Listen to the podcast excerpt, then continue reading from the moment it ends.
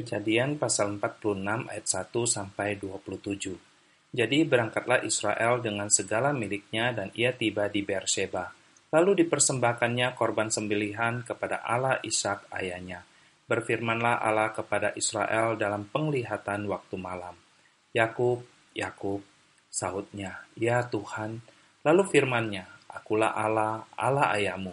Janganlah takut pergi ke Mesir sebab aku akan membuat engkau menjadi bangsa yang besar di sana.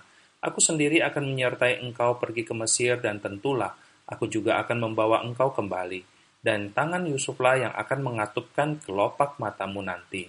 Lalu berangkatlah Yakub dari Beersheba dan anak-anak Israel membawa Yakub ayah mereka beserta anak dan istri mereka. Dan mereka menaiki kereta yang dikirim Firaun untuk menjemputnya. Mereka membawa juga ternaknya dan harta bendanya yang telah diperoleh mereka di tanah Kanaan. Lalu tibalah mereka di Mesir, yakni Yakub dan seluruh keturunannya bersama-sama dengan dia, anak-anak dan cucu-cucunya laki-laki dan perempuan. Seluruh keturunannya dibawanyalah ke Mesir. Inilah nama-nama Bani Israel yang datang ke Mesir, yakni Yakub beserta keturunannya. Anak sulung Yakub ialah Ruben. Anak-anak Ruben ialah Henok, Palu, Hezron, dan Karmi. Anak-anak Simeon ialah Yemuel, Yamin, Ohad, Yahin, dan Johar, serta Saul, anak seorang perempuan Kanaan. Anak-anak Lewi ialah Gerson, Kehat, dan Merari. Anak-anak Yehuda ialah Er, Onan, Sela, Peres, dan Sera. Tetapi Er dan Onan mati di tanah Kanaan. Dan anak-anak Peres ialah Hezron dan Hamul. Anak-anak Isakar ialah Tola, Pua, Ayub, dan Simron. Anak-anak Zebulon ialah Seret, Elon, dan Yahleel. Itulah keturunan Lea yang melahirkan bagi Yakub di Padan Aram, anak-anak lelaki serta Dina juga, anaknya yang perempuan. Jadi seluruhnya laki-laki dan perempuan berjumlah 33 jiwa. Anak-anak Gad ialah Zifyon, Hagi, Shuni, Esbon, Eri, Arodi, dan Arela.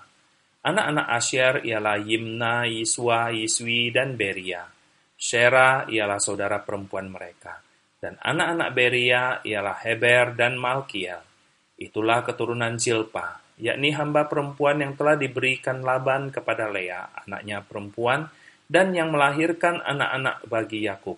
Seluruhnya 16 jiwa.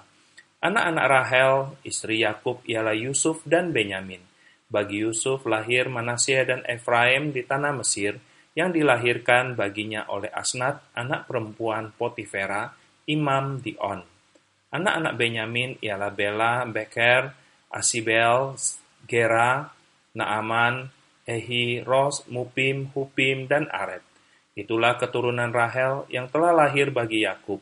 Seluruhnya berjumlah 14 jiwa. Anak Dan ialah Husim. Anak-anak Naftali ialah Yazel, Guni, Yeser, dan Shilem. Itulah keturunan Bilha, yakni hamba perempuan yang diberikan Laban kepada Rahel, anaknya yang perempuan, dan yang melahirkan anak-anak itu bagi Yakub. Seluruhnya berjumlah tujuh jiwa. Semua orang yang tiba di Mesir bersama-sama dengan Yakub, yakni anak-anak kandungnya, dengan tidak terhitung istri anak-anaknya, seluruhnya berjumlah 66 jiwa. Anak-anak Yusuf yang lahir baginya di Mesir ada dua orang, jadi, keluarga Yakub yang tiba di Mesir seluruhnya berjumlah 70 jiwa. Sahabat, keluarga besar Yakub pindah rumah. Kepindahan ini merupakan rencana Tuhan yang telah diberitahukan kepada Abraham bahwa keturunannya akan menjadi budak di negeri orang.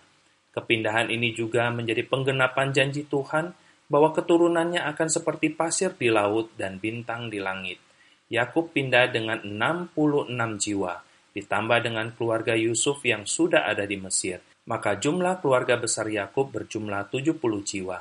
Hanya kepala keluarga saja yang dihitung, tidak termasuk istri dan anak-anak, sebuah jumlah yang besar. Setelah 430 tahun, jumlah mereka menjadi 600 ribu lebih. Itu juga tidak termasuk istri dan anak-anak.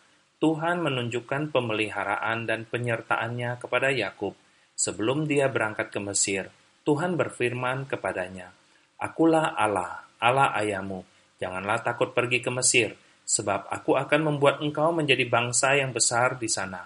Aku sendiri akan menyertai engkau pergi ke Mesir, Dan tentulah aku juga akan membawa engkau kembali, dan tangan Yusuflah yang akan mengatupkan kelopak matamu nanti.